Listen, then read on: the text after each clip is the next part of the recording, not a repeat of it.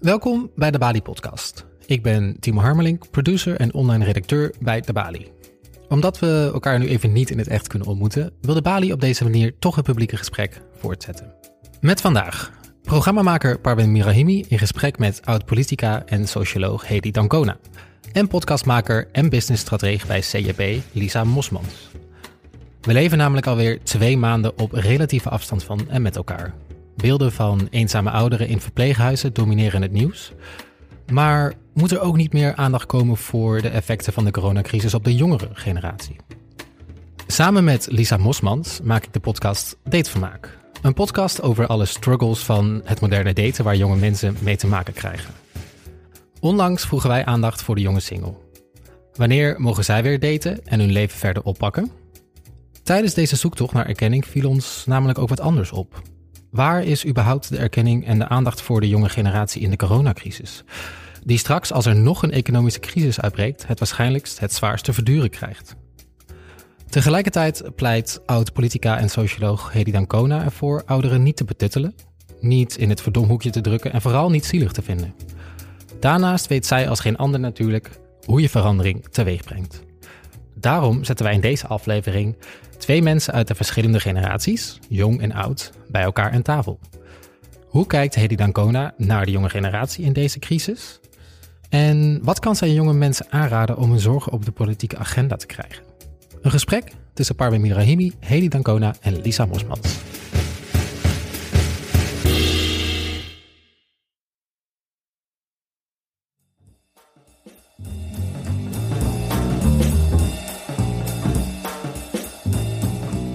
Welkom, mijn naam is Parvin Mirahimi en namens de Bali heet ik jullie beiden heel hartelijk welkom. Hedy Dancona en Lisa Mosmans. Hedy en Lisa, ik begin bij jou eh, Hedy. Hoe heb je, hoe heb je de afgelopen, wat is het, negen weken alweer doorgebracht? Was dat heel anders dan anders? Tijdens de ja, lockdown? volstrekt anders dan anders. Maar ehm, ik vond het wel interessant. Ik vond het eigenlijk bijzonder dat ik niet ehm, echt totaal gek werd, omdat er niks meer in mijn agenda stond. Nou, dat beviel me eigenlijk wel. Ik ren altijd zo van hot naar her. En eh, ik had ook geen eh, hulp meer in mijn huis. En ik heb een groot huis, dus ik heb gepoetst en gedwijld. Iets wat ik nooit doe. Toen ben, heb ik zelfs, ik heb een, eh, een piepklein tuintje.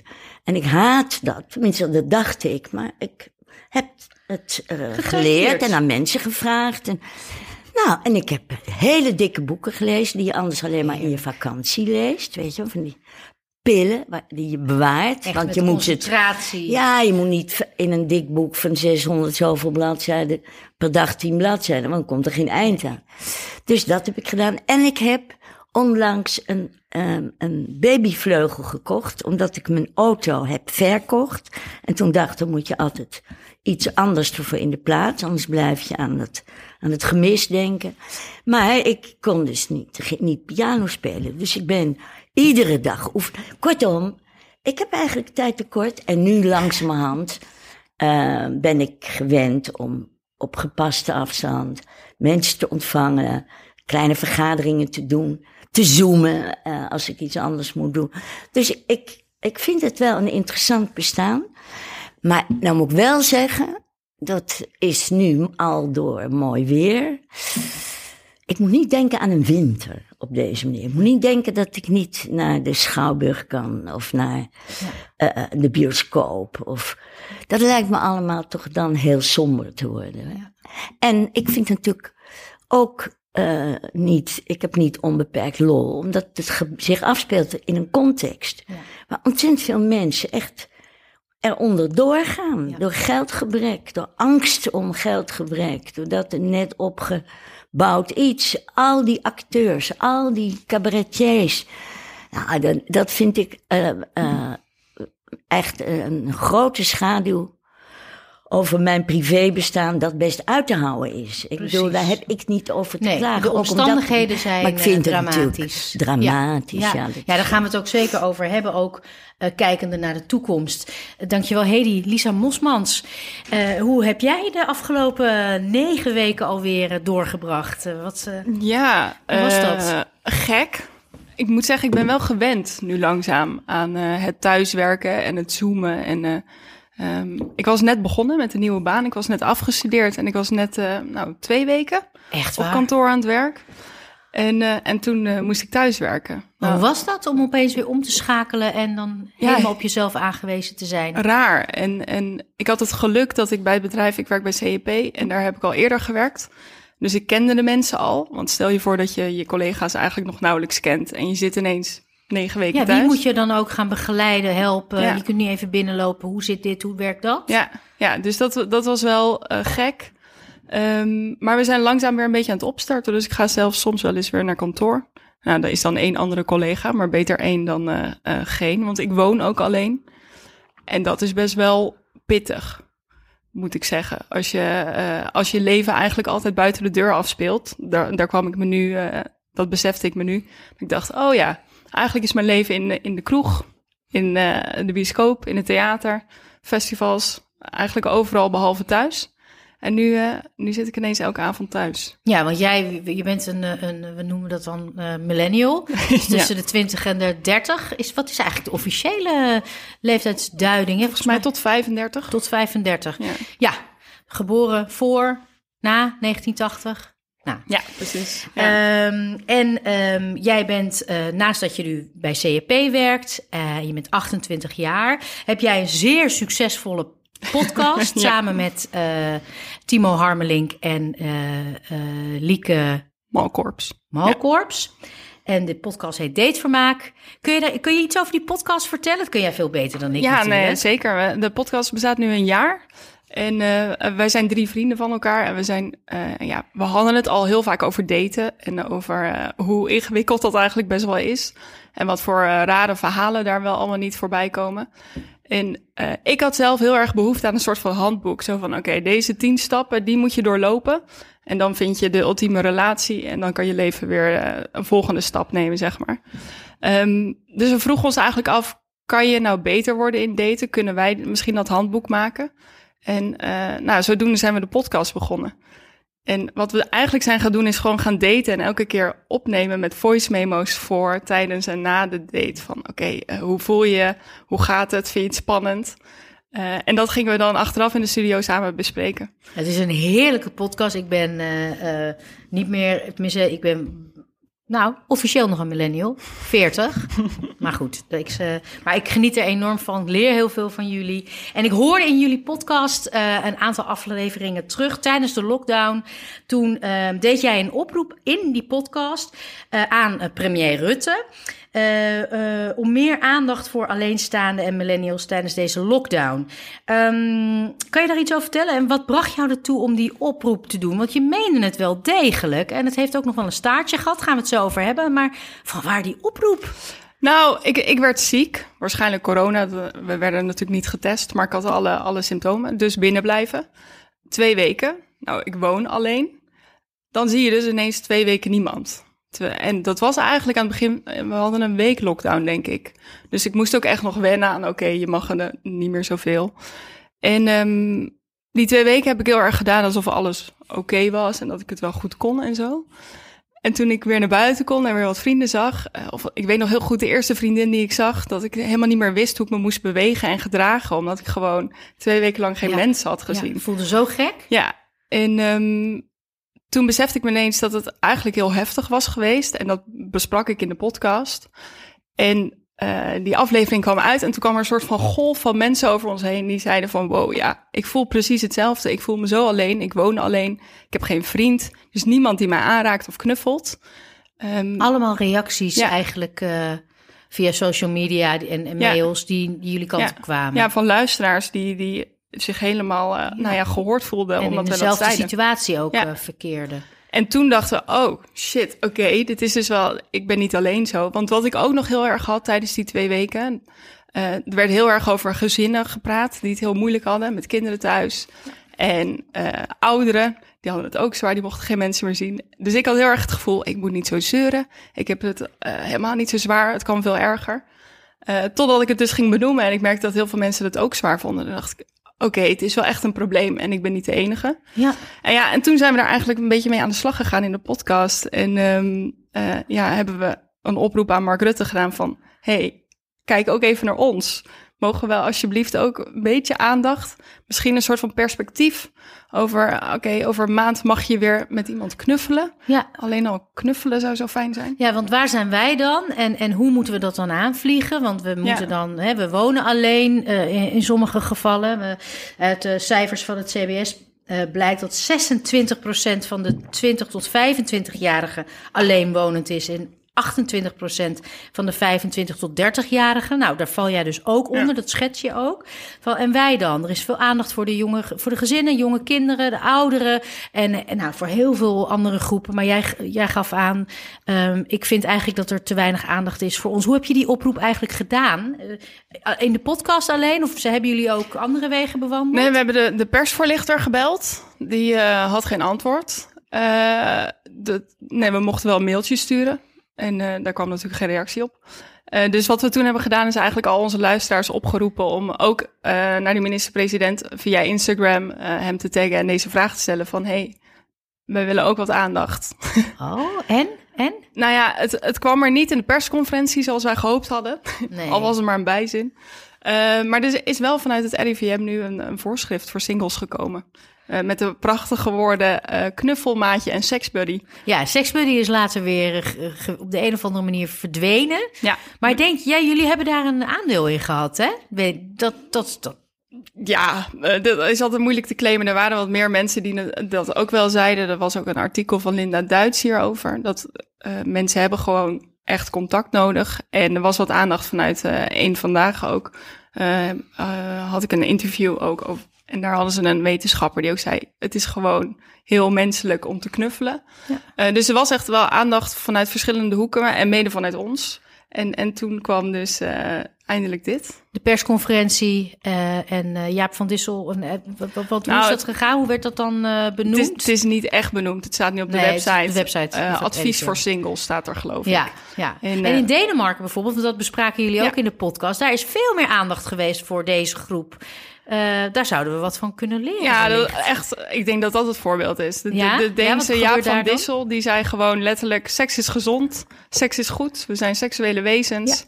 Eh, ga alsjeblieft seks hebben, dat mag. Ja. Maar doe het wel verstandig maak afspraken. En ik denk dat dat een beetje de weg is ook, omdat nu... eh, mensen gaan het doen, want we, we hebben dat gewoon nodig. Een soort van fysiek contact. En dan kunnen we het maar beter een beetje in goede banen leiden. En daar een soort van richting aan geven dan eh, eh, dat je doet alsof het er niet is. Ja. Nee, we lachen nu eh, ook een beetje. Nee, maar ik vind het eigenlijk, het als een- ik eens mag Ja, interrumperen. ja, ja, ja, absoluut. Ehm, natuurlijk net alsof mensen die ouder zijn geen mensen zijn. Eh, alsof het single zijn iets is van mensen tussen de 20 en de 30. Of de behoefte aan seks of aanraking ehm, ophoudt eh, bij eh, het pensioen, het officiële pensioen. Dat is natuurlijk helemaal niet waar. dat wilde ik je vragen. Nou, dat zeg ik dan maar vast. Ik heb helemaal geen zin om te doen, eh, om opgevoerd te worden eh, als eh, desolaat, eenzaam, eh pyjama-dagen. Want er wordt wel gezegd, ouderen krijgen wel aandacht. Nou, ik ben echt een ouder, ik val dik in de doelgroep, want ik ben 82. Maar eh, ik ben met het soort aandacht, daar zit ik totaal niet op te wachten. Er zit slechts nog geen 4% van de ouderen in een, in een instelling. Ja. Nou, ik heb het echt met die mensen te doen als een van de leuke dingen uit hun bestaan. Het bezoek van kleinkinderen, kinderen, eh, vrienden. Als dat wegvalt, dat vind ik echt heel erg naar. Maar we moeten nou weer niet doen of dat de ouderen zijn die alleen maar compassie eh, of respect ehm, ehm, verdienen. En behoeven. Dat behoef ik helemaal niet. Ik wil een gelijkwaardige behandeling. En ik vind ook, ik kan heel goed begrijpen wat Lisa zegt. Maar dat gaat voor heel veel dat ouderen wilde ik jou natuurlijk nou vragen. Herken je, herken je je in, in, Nou, in, ik, in nou, deze nee, niet als persoon, want ik vind dat je moet. Dat nu eenmaal het leven zo is, en dat zou je ook wel als jongere. Is het ook een bepaalde, eh, vaak een bepaalde wens, een opvatting. En dat, daar ben ik niet op tegen. Om later met iemand samen te gaan. Je kan wel daten, maar echt later tot iemand eh, te bekeren. Niet zoals ik voor de eerste keer trouwen op mijn 21ste. Dat vind ik nu echt ook heel raar. Dus ik vind het op een bepaalde manier. vind ik dat heel goed. Later wat kinderen krijgen. Maar ja, daar zitten natuurlijk ook andere kanten aan. Hè? Dat is zo. En dat merk je wel in zo'n crisissituatie. Maar eh, ik, dat geldt toch ook voor mij. En ik heb juist iets van, in plaats van de eenzaamheid tot probleem te maken. Hè, wat, wat bij ouderen is dat een geaccepteerd Ja. probleem. Dat moet ik wel zeggen. Eh, jongeren, eh, dat, die moeten, die kunnen, die kunnen nog zoveel dingen op straat doen, kennelijk. En, eh, maar voor ouderen wordt dat als probleem Ja. erkend. Maar wat- ik heb, ik heb daar eigenlijk niet zoveel mee. Het, de eenzaamheid is een kant van het leven. En ehm maakt vind je mensen dat er- weerbaar. Maar- maar- en maar- niet gaan mensen zitten beklagen. En trek, hoeveel trok Hugo de Jonge uit? Ik geloof 130 miljoen. Om, de een, om campagnes tegen de eenzaamheid. Ik zou het nogal gruwelijk vinden als ik een onbekend iemand bij mij op de thee kwam. Ik bedoel. Ja, maar, eh, maar eh, Hedy, is het, is het een. Maar ehm, vind je het een legitieme oproep? En, en, en, en vind je dat er weinig of te weinig aandacht is voor bepaalde groepen? Zoals. Nou eh, ja, iedere groep. Ik bedoel, ik word ziek van al die aandacht. Dan worden de tramconducteurs en dan weer die en dan weer. Come on. Nee, ik zit niet te wachten op aandacht van Rutte. Ik zit te wachten op verstandige maatregelen. Kijk, als er iemand, wat Lisa zegt, Ja. hè, als er uit eh, dat die oproept, eh goede en nuttige handleidingen gaan bestaan. Hoe je, Ja. op een, hoe je op een verstandige manier aangeraakt kunt worden of seks kunt bedrijven. Tuurlijk vind ik dat prima. Maar aandacht van Rutte, ik. Nou ja, maar daar nee, begint natuurlijk. niet. het begint hoor. natuurlijk met eh, awareness of met bewustzijn, ook bij de politici. Nou, zij benoemden het wel behoorlijk. Ik bedoel, ze kregen niet voor niks dit antwoord. Maar echt, eh, ik ben helemaal niet zo van de, de knuffelie. Dat is misschien ook iets. eh, ik vind het wel goed dat wij überhaupt elkaar iets minder zoenen. Ik werd op laatst van onder tot boven bekust door mensen die ik nauwelijks Ja, kende. ja. Nee, maar het gaat ook, Zo- Lisa, het gaat Lisa ook om aanloop, mensen zien. Soms een eh, vijf, zes dagen dat- niemand zien. Als je dus in lockdown zit en, en je Ja, bent ik ook heb nog ziek. veertien dagen, omdat ik iemand te logeren had eh, gehad die ehm, Ja. eh, besmet kon zijn, heb ik dus veertien dagen inderdaad. Ja. Ja, ja nou, ik ga niet zeggen dat dat, dat, dat prettig is, maar eh, eh, het wordt niet prettiger als de minister-president gaat zeggen, Nee. ik denk speciaal aan de ouderen of de jongeren. Nee, ik bedoel, als je zegt, eh, ik kan begrijpen dat mensen, en zeker jonge mensen, Ja. erg behoefte hebben aan aanraking seks. Dat kan onder deze voorwaarden. En sociale Zou je ook kunnen zeggen, er zijn misschien ouderen die inderdaad nu zich toch heel erg eenzaam gaan voelen. Daarvoor heb ik ook een paar, eh, eh, een paar goede aanbevelingen. We zouden de mensen daarmee moeten kunnen verzoenen. Meer dan dat nu gebeurt. Want nu is het iets angstaanjagends. Als je ziet hoe naar de ouderdom wordt afgeschilderd. Dan durf je bijna niet meer oud te worden. Dan denk je nou, eh, en nou, en nou is het dan vervelend voor de jongeren ook. En is het, nee, zo zit het. Je moet inderdaad mensen. ehm, en ik ken heel erg veel weerbare oudere mensen die ook iets zijn gaan doen, iets zijn gaan studeren. ehm, eh, op een instrument zijn gaan spelen, ballet zijn gaan dansen. Verenigd in een grote eh, organisatie die eh, leven, Lang Leven Kunst heet. En dat zijn er al 50.000 of zo in Nederland. En dan nog allerlei andere clubjes ook. En die zijn is- gaan studeren. Dus er zijn wel mensen die er wat aan doen. Ja. Maar dat is interessant, Hedy. Want eh, nou, Lisa geeft aan, eh, ik heb behoefte aan erkenning voor, voor, de, voor de eenzaamheid die ik ervaar eh, als eh jongere alleenstaande. Nou, dat is dan een legitieme behoefte. Ze heeft daar een oproep toe gedaan. Ehm, en je, wat, wat het woord dat bij mij er meteen uitspringt, jij zegt, die, de ouderen, je zegt, ik ken heel veel ouderen, die zijn verenigd in, in, deze, in die club. Die gaan naar de, naar- de balletten, naar de pianoles en die hebben de club, hoe noem je hem? De, de, Lang Leven Kunst. Lang lees- leven kunst. Eh, dat is misschien wel een interessant punt. Want is er niet een verschil ehm, dan tussen de ouderen die eh, zich misschien beter weten te verenigen, elkaar beter weten op te zoeken, en jongeren van deze generatie die toch al vrij ja, individualistisch zijn ingesteld? Ehm, zit hem daar niet ook een deel van eh, eh, de oplossing? Verenig je. Kom bij elkaar. eh, eh, eh, wees samen sterk. Is, is dat... Is Want, dat want ja? wat ik ook... Lisa? Ik heb natuurlijk die, die oproep aan Rutte hebben wij heel erg benadrukt, maar was ook een beetje ludiek. Ja. Ik hoef helemaal niet per se dat Rutte dat zegt. Maar doordat er aandacht voor komt, kunnen mensen in mijn omgeving misschien ook beter begrijpen hoe ik me voel. Ja. Ik denk dat dat misschien de, de onderliggende gedachte was. En daarmee bijvoorbeeld dus het statement van het RIVM eigenlijk al een heel goed antwoord. Ja, dat is zeker goed. Ehm, ja. Maar misschien is dit helemaal niet de weg die we hadden moeten bewandelen. En eh, hadden we een soort van op een andere manier activistisch ons moeten verenigen of zo. Maar daar weet u denk ik meer van dan ik. Nou, nee, zeg maar jij alsjeblieft. Hedy, zie Ja. jij, zie jij je, je- Ja. we hadden het net even in het voorgesprekje ook over je, over je kleinkinderen. Die zijn weer een stuk jonger dan eh, de, de generatie van Lisa. Maar zie jij meer actiebereidheid bij de oudere generatie dan bij de jongeren van nu? Is daar iets over te zeggen? Eh, nee, dat zit niet in de koppen van mensen, maar dat zit in het tijdsgevricht. Ja. Er was eh, toen, eh, toen ik tussen de 20 en de 30 was, was er eh, de jaren 60, begin jaren 70, eh, was er een, een samenleving Ja. die, waar, waarin eens gedacht werd, we moeten wat. We hebben het erover dat het hier zo rechtvaardig toegaat. Maar kijk eens naar de vrouwen. Kijk eens naar ehm, de mensen die van elders komen. Kijk eens naar. Dus er ging een ontzettende. eh, het mobiliseren van de, de verontwaardiging over onrecht. Ja, dat is waar. Het begint met verontwaardiging. Ja. Maar dat er toen zo'n actiebereidheid kwam, kwam wel door de maatschappelijke context waarin dat zich ontwikkelde. En waarin het de straat opgaan ehm, om, om, om te laten zien dat je er was. Ja, eh, eigenlijk de enige methode was. Want het was altijd maar een klein deel van de mensen. Iedereen denkt altijd dat iedereen. Maar zoals Lisa nu ineens voor alle millenniums ehm, ehm, optreedt, treed ik natuurlijk ook niet op voor alle ouderen.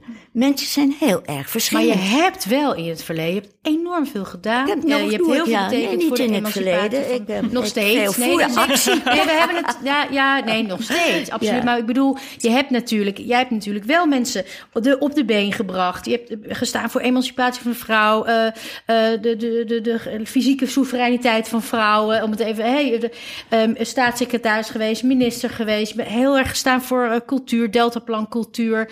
Dus, ehm, maar is dat individualisme. ehm, eh, dat bestaat ook bij gratie van welvaart. En zou het misschien zo kunnen zijn dat als die welvaart afneemt, eh, ook na deze coronacrisis wellicht, eh, ook voor deze groep eh, er dan economische krimp optreedt, onherroepelijk, daar, daar hoor je ook veel over. Deze generatie en de generatie van jouw kleinkinderen moeten dan gaan opdraaien voor de krimp die optreedt. Zal dan die actiebereidheid misschien toenemen, denk je? Uit, uit hè, Nee, wetten. ik, ehm, ik weet het niet. Ik, ik denk dat. of is er meer nodig nog bij deze generatie? Nou ja, ik, ik denk toch dat. ehm, ja, dat lees ik ook in, de krant en in de goede weekbladen. ehm, dat er natuurlijk toch wel een verklaring is te geven waarom dit soort van crisis. Hè, ik, het is 75 jaar na de oorlog. Ik dacht, ik heb de oorlog nog meegemaakt. Ehm, ik dacht dus, het zo'n beetje, weet je een half jaar geleden wordt weer. Oh, ik was helemaal niet gerust erop. Ik dacht, het wordt wel weer eens tijd voor een, voor een oorlog. En met die Trump, die gek en die andere gek daarin, die, die, die aan het bekvechten zijn. Waarom dacht je dat? Omdat je vond Ja, dat ik vond we het te al zo lang, werden met z'n allen. zo lang, zo welvarend, zo, Ja, zo ontzettend rijk, zo spending, zo consumptief. Ik dacht, er komt iets. Maar ik had dit natuurlijk nooit kunnen bedenken. Maar ik, ik dacht, hoe kan dit goed gaan? Maar kan het voor Het iets goed zorgen wellicht? En toen dacht ik, misschien, ik, ben, ik denk dat, dat iedereen, eh, en, en zeker, mijn grootste angst is eerlijk gezegd niet, maar ik, zeg ook, ik bedoel, dat denk ik ook, de economische krimp die erin gaat zitten. Dan zullen we aan moeten wennen, maar daar kan je de mensen iets voor teruggeven. En je kan zeggen, ehm, tegenover eh, welvaart en groeicijfers eh, staat welzijn, staat van kunst, staat onderwijs, staat de natuur. Staat, je kan een pakket samenstellen wat, ehm, wat enigszins eh, kan opboksen tegen nog een paar nieuwe gymschoenen en nog een uh, t-shirt wat op een hele verkeerde plaats in de wereld wordt geproduceerd. Er staat wel wat tegenover. Dat zou je de mensen kunnen vertellen, want het gaat toch om, voel ik me behagelijk of voel ik me tekort gedaan? Voel ik me een beetje gelukkig? En ik denk dat, dat we mensen niet alleen dingen af moeten pakken, maar ik praat, ik praat zeker natuurlijk ook van uh, over de jongeren en over de millenniums. Want het is wel zo dat wij uit een hele nou, een ellendige oorlog kwamen. En toen een ontzettende sobere saaiheid. Uh, en toen werd het eigenlijk alleen maar beter. Dat is natuurlijk prettig om te ervaren. He, daar hebben de ouderen van geprofiteerd, van die toenemende welvaart. En hun huizen die meer waard. Ze zijn helemaal niet tekort getrokken, zoals uh, de ouderen wel eer 50 plus zei. Die ouderen die hebben ook echt geprofiteerd. Maar ik hoop nu maar dat het daar niet alleen om ging, want het leidt ook tot zulke verschrikkelijke onheilszaken als waar we nu mee bezig zijn over de hele wereld. Dus ik hoop.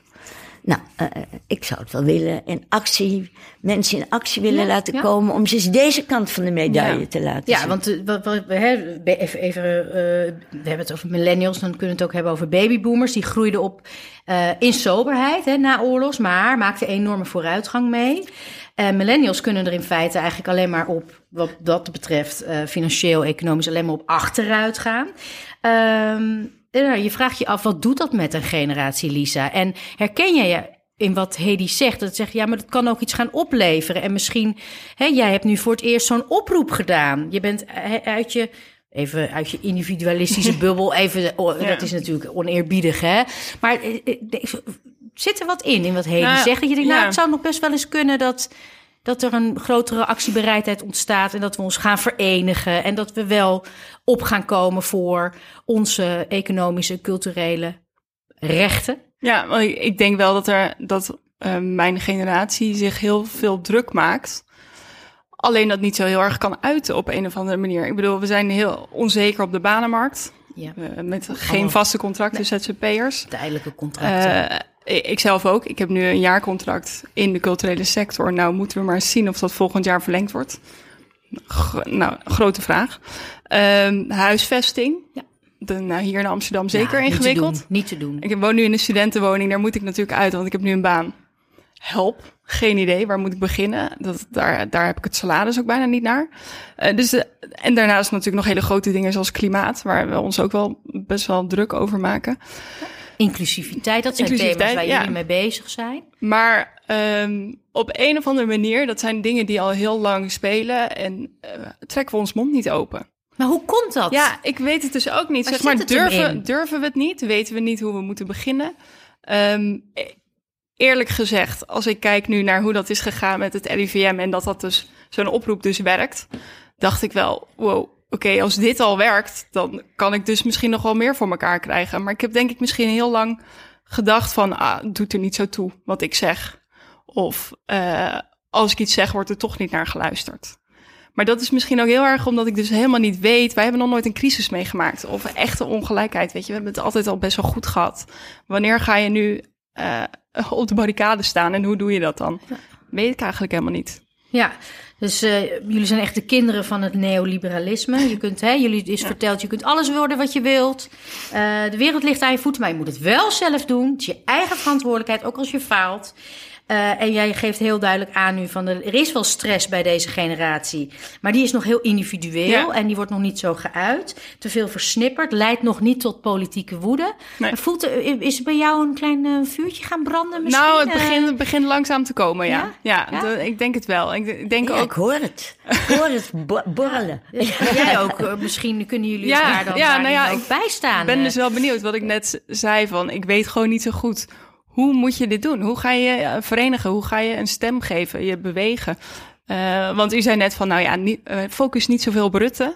Maar wat is dan wel de weg om te ja, gaan? Nou, ja, ja, kijk, uiteindelijk uh, worden natuurlijk grote maatschappelijke vraagstukken niet aan de keukentafel, maar in de politiek.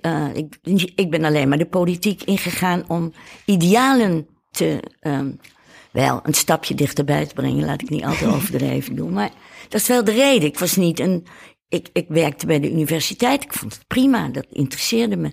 Maar ik ben het gaan doen omdat ik ervoor gevraagd werd. En omdat ik altijd beweerd had. Hè, eh, het moet in de politiek.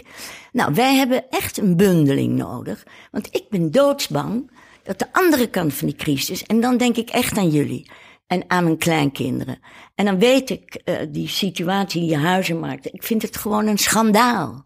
Dat, echt een schandaal, kan ik zeggen. Maar ook uh, niet alleen werken omdat het geld oplevert, maar ook omdat je een, een bestemming moet hebben. Je moet iets doen.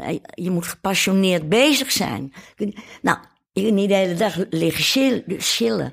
uh, dus ik, ik denk, uh, dat is echt een, een probleem omdat wat op de loer ligt, uh, en dat is iets anders dan corona, de opkomst van het populisme mm -hmm. uh, als uh, politieke macht en kracht. En daar ben ik dus, dan denk ik dus echt blij dat ik gauw dood ga. Ik bedoel niet, ik hoop niet deze week, maar ik zit op een leeftijd dat je dat natuurlijk en dan vind ik het zielig ook voor jullie. En, en Lisa vraagt, hoe, wapen we, hoe nou ja, wapenen we ons ja, daartegen? Maar je moet eerst bewust worden van de gevaren. Mm -hmm. Voordat je kan zeggen... Is er, er genoeg is bewustzijn bij jullie generatie? Ja, maar ja? dat gaat dus ook niet alleen maar om uh, de eenzaamheid. Want als je met z'n allen actie voert, begrijpt, dat begrijpt Lisa ook wel. En, en uh, nou... En, als je actie voert, kom je ook altijd wel weer mensen tegen die je aan willen raken. Nou, dan moet je tegenwoordig ook weer meer uitkijken, begrijp ik.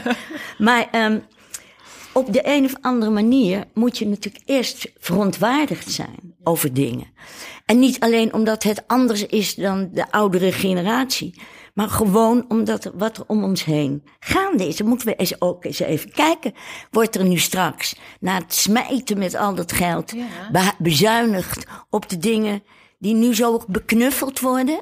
Hè? De zorg en het onderwijs kon niet op en de tramconducteurs en de politie. Wordt daar dan op bezuinigd? Nou, dan zou ik dus heel verontwaardigd worden. Uh, en dat is een reden om te zeggen, wat krijgen we nou?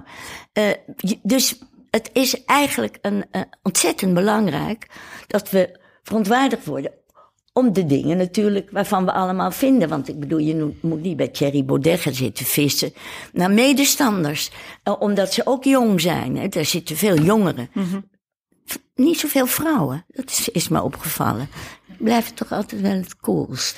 Ja. Maar ik denk dus dat het, dat het kan, omdat we, wij niet hadden, toen in de actiegroepen vroeger, uh, de middelen om de boodschap zo te verspreiden. De middelen om je te mobiliseren. Je moest het doen. Als je de mensen niet lijfelijk zag, moest je ze opwekken om ergens naartoe te komen. Ja, en, met pen en papier of met, de, met zo'n is... stencilmachine. En nou hebben we ongekende middelen om ja. gelijkgestemden. Ja. Je, moet, je, moet, je moet laten zien waarom je kwaad bent. En daar, nou, je ziet hoe gauw jij al om een gevoel zelfs. Hè, waar, wat je erkend wilde zien. Want het gaat natuurlijk niet om Rutte en, en jouw gevoel. Het gaat erom dat jij niet denkt, ben ik nu abnormaal of is dit een normaal gevoel? Het is een normaal gevoel. Hoor, luister naar mij, niet naar Rutte. en daar moet je je tegen wapenen. Het, ik kan het me begrijpen. Er is het gevoel in welke situatie je nu zit. Het is het gevoel hoe ongerust je kan zijn. Of als het afgelopen is. En dat moet erkend worden. Maar vooral door de mensen die je medestanders maar, zijn. Maar Hedy, uh, uit cijfers blijkt slechts 25% van de kiezers, uh, hè, mensen die stemmen, is 35 jaar of jonger. Uh, jongere mensen zijn niet meer aangesloten bij een vakbond. Ze stemmen minder. Uh, dat ze is stemmen dus minder. een goede reden. Dan uh, ligt er dus, als ze al gemobiliseerd waren, ja. dan zouden ze bij de jongere verenigingen van politieke partijen, want die bestaan, maar dat is maar een klein deel. En de vakbonden blijken in deze tijd een beetje te groeien, maar het is toch altijd nog maar een klein georganiseerd deel. En zeker, creëer het. Zeg wie wie staat er achter mij? Ik vind dit, dit en dit voel ik en dit en dit vind ik. Ja. Nou, ik denk dat Lisa met haar podcast en met alle anderen die... Ik weet het zeker. Dat, je, dat het kan. En verkijk je nooit op de aantallen. Want iedereen deed net of die vrouwenbeweging in de jaren zestig, of dat dat honderdduizenden waren. Nee hoor, dat waren hele militante mensen. Maar ik durf soms de aantallen niet te noemen, omdat dat kwantitatief Maar ze waren wel- niet zoveel Maar, voorstellen. maar wel zichtbaar. Kijk, eh, Lisa, er wordt nu Ja. gesproken over de generatie van illusieloosheid. En dezelfde illusieloosheid als bij de krakers uit de jaren tachtig. Politiek passief. Er wordt, hè, je geeft het al aan, wordt stress ervaren. Maar die stress is te individueel. Leidt nog niet po- tot politieke woede. Ehm, hè, voor studenten is er geen steunregeling. Pech als je, als je niet kunt werken. Je studiefinanciering loopt gewoon door. Je lening loopt gewoon door. Je, je loopt een enorme studieachterstand op. We horen nu van Hedy van maar het, is wel mogelijk. Het is eh, verenig je, je hebt de middelen. eh, maar als je dat dan zo hoort, zijn er dan barrières die je voor jezelf nog opwerpt in je hoofd? Dat je denkt, ja maar, in je hoofd, sorry. Ja maar, wij zijn te veel op onszelf gericht. Of wij zijn illusieloos. Of, of, of, of, of, neemt zij die barrières nu misschien... Nee, het gaat wel een beetje, Weg een in dit beetje gesprek. broeien nu van binnen. Ja? Eh, Je ziet, je ziet mogelijkheden. ja, maar dat, dat komt dus ook doordat ik zag hoe gemakkelijk het ging met die oproep aan Rutte. Ik dacht, Ja, wat oh Hedy ja, ook zegt. Als er maar aandacht voor is. En, en daarvoor moet je dus misschien even iets roepen naar Rutte. Alleen om die aandacht even te vangen. Ja. Maar als er media-aandacht voor is. Ja, dan- jullie zaten bij op één. Je zaten- daar ja, hè, met, eh, met jullie drietjes gezeten. Ja, ja. Wat, En- wat kwam daar nog uit voort? Is nou, eigenlijk vanaf toen, van het moment dat we bij op één zaten, twee dagen later was er vanuit het RIVM dat eh, een, nou, een seksbuddy, knuffelmaatje, in ieder geval een soort van handleiding voor de single. Het Hoe kan. ga- ja, het kan. Dus toen zag ik wel, oh, zo makkelijk gaat het. Maar ik had dus blijkbaar die bewustwording nodig om te denken, oh, je kan dus echt dingen aan de kaak stellen en dan wordt er ook naar geluisterd. Maar dan moet je dus inderdaad wel een soort van ehm, eh, gevoel hebben dat je dat met z'n allen doet ook. Dat mensen achter je staan. Ehm, en ja, dat verenigen, dat, je, dat, is een, dat is zoiets raars. Want wij hebben inderdaad, wij zijn opgegroeid met, eh, met internet, met social media. De- Je kan je met niet mak- maakbaarheid. ja, makkelijker verenigen dan, dan nu. ja.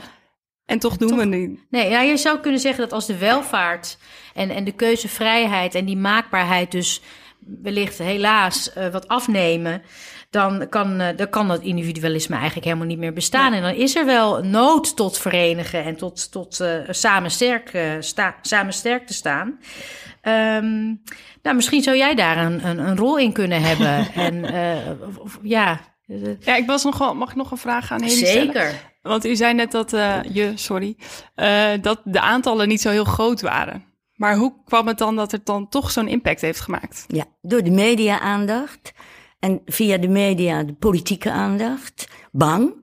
Eh, want het is een groot deel van het electoraat. Ze zijn dan wel niet, wat ik net eh, slecht gemobiliseerd en vertegenwoordigd in, in verenigingen, maar ze bestaan wel. Dus als de politiek denkt, wij moeten luisteren, want het scheelt ons zak stemmen. Dan um, is dat echt uh, de wijze waarop het is gegaan. Dus je zegt nu zelf, je hebt dus media-aandacht gekregen. Ja, hè? dat is dus maar één keer deed je dat. En je kreeg media-aandacht. Er gebeurde wat. Politieke En, aandacht uh, was er. Ja, daarom. Het is, het is helemaal niet zo uitzonderlijk. Anders dan toen, gelukkig maar niet. En het moet ook geen... Uh, net zo de pest als ik heb aan oudere partijen, heb ik de pest aan jongere partijen. Ja. Het moet een beweging worden. Het moet een beweging zijn, um, zonder uh, meteen uh, onder de vleugels te kruipen van een politieke partij of er zelf een te worden. Want um, ik heb ook nooit een vrouwenpartij gewild. Democratie bestaat uit het afwegen van belangen. Ik moet op een gegeven ogenblik de belangen, die kan ik ook heel goed inzien. He, dat, daarom ben ik het ook nooit met die, eens geweest met Krol. Die zei dat die ouderen al, altijd aan het kortste eind en altijd minder en altijd. Dat is gewoon niet waar. Dat is nee. onzin. En Waarom je kan krijg beter. jij dat dan toch zo goed voor het Omdat voor het makkelijk is. Omdat er Makkelijk scoren. Ouder is toch niet één grote klont uh, gelijkgestemde. Er is niet de oudere. Ik zit, dat is er niet. Net zoals er ook niet de jongen. Dat geeft, dat, dat is, zo zit het nou niet, eenmaal niet in elkaar. Maar ik weet wel zeker dat wat, als jij iets zegt over jullie toekomstperspectieven, gezien naar de bestaande maatstaven, dat zeg ik er dan maar even Mhm. bij, dan dan kan ik ook wel met een uh, zakdoek voor mijn ogen gaan zitten snikken. Ik vind dat ook echt. Daar maak ik me echt ongerust over. Maar ik zeg, dat is volgens onze maatstaven. Die zijn op het ogenblik helemaal niet zo oké. Okay, want uh, we, we, we, vliegen acht weken niet en we voldoen ineens aan de maatstaven van het Parijse verdrag. Uh, dat is dus.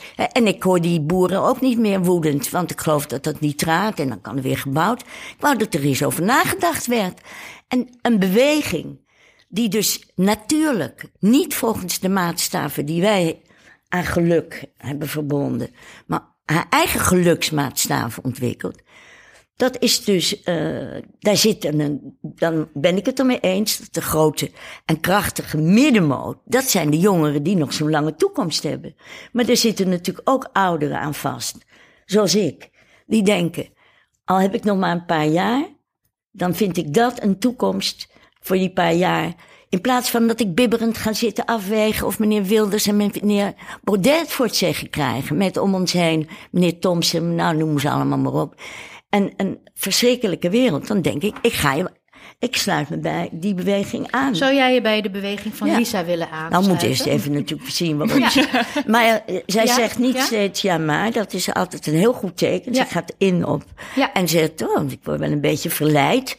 Want een beweging beginnen, of een, dat, dat, je moet mensen verleiden. Nou, ze, ze ziet er ook heel leuk uit, dus zeker heel leuk. Dat kunnen de mensen en niet zien. Verleiden. Die allebei en, alle, en, ja. en dat, uh, en als je dus maar iets van de grond krijgt, ja, dan, uh, dan en dan verdeel je taken, je delegeert. Je zoekt rolmodellen, weet je wel. Je denkt van die heeft het goed gedaan en die.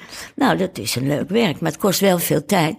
Dus, um, en, en nogmaals, ik vind de klachten die er zijn, wat wij achterlaten bij die generatie, die vind ik terecht. terecht. Ik, ik zou niet zeggen dat. Er is hier een politieke beweging uh, aan het uh, ontstaan hier aan ja. tafel met twee rolmodellen, als je het mij vraagt. Um, Lisa, inmiddels kom, komen we een klein beetje uit die lockdown. Mm -hmm. um, is dit, dit waar we het nu over hebben, het afgelopen ruim half uur, is het nou ook iets waar je met je vrienden ook live over hebt gesproken? Is het oh, misschien ook al een soort nou ja, van zullen we misschien uh, samen iets beginnen? Of uh, kunnen we hier iets mee? Hè? Dus niet wat Hedy zegt van niet alleen maar terugkijken en beklagen, even grof gezegd. Maar wat zouden we constructief kunnen bijdragen? Is, zijn er al voorzichtige gesprekken gaande? Nou, echt, echt iets, iets maken van ons? Nee, we hebben, maken ons zorgen. Dat ja. doen we wel gezamenlijk.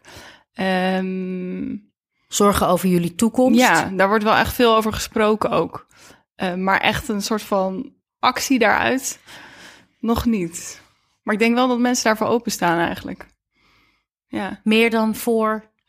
Nou, het wordt wat nijpender nu. Je gaat het echt zien. Ik denk dat dat helpt. Ja. Dat we ja. Uh, echt um, consequenties gaan zien en best wel snel. In je eigen leven ja. ook. Ja. En, en, dan ben je misschien sneller geneigd om op die barricade te springen. Ja.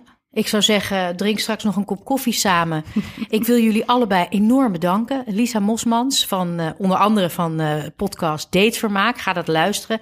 En politica, en ze nog, socioloog. Eh, dat oh, ja? brandende vraag. Ja, Staat het daten nu stil? Oh ja, hoe staat het oh, ja. met het daten? En, en met het knuffelen. Maar hoe, hoe, hoe ja. doe je dat? Nou ja, ik heb dus heel grappig uh, wel iemand ontmoet tijdens coronatijd. Uh, eerst online en toen uiteindelijk toch de regels een beetje aan mijn laars gelapt. Toen ik dacht, dit zit wel goed. Dat durf ik wel met jou. Uh, en dat gaat nu heel goed. Dus... Toppen top. Maar moet ik er wel ja. bij zeggen, als trouwe luisteraar, jullie hebben dat fantastisch gedaan. Als we het dan over ouderwets hebben, ik weet niet of dat ouderwets is, maar jullie hebben elkaar zelfs brieven geschreven ja. met de hand en nog net geen kroontjespen. Ja. Dat was, dat, had je dat anders niet gedaan als het, uh, nee? Nee, nee, nee. nee jullie ook wel iets gebracht? De, we hebben de, het verschil met voor corona is dat ik, we allebei de tijd hebben genomen om elkaar goed te leren kennen. Dus eigenlijk heeft het uh, ook wel heel positief effect gehad. En nee, ik had anders nooit een brief geschreven. Zeker weten niet. Nou, zie eens wat er uit een crisis kan oh, gebeuren. We begonnen ermee. Hé, wat heerlijk. Dat ik, het nog even, ik zat te popelen hoe het ermee zat. Nou, het zit dus fantastisch. Het gaat heel goed, ja. Lisa Mosmans en Hedy Dancona, enorm veel dank voor jullie bevlogen aanwezigheid en uh, dit gesprek. En uh, laten, we het, uh, ja, laten we het straks voortzetten. Misschien kunnen, kan er iets ontstaan. Dank jullie wel.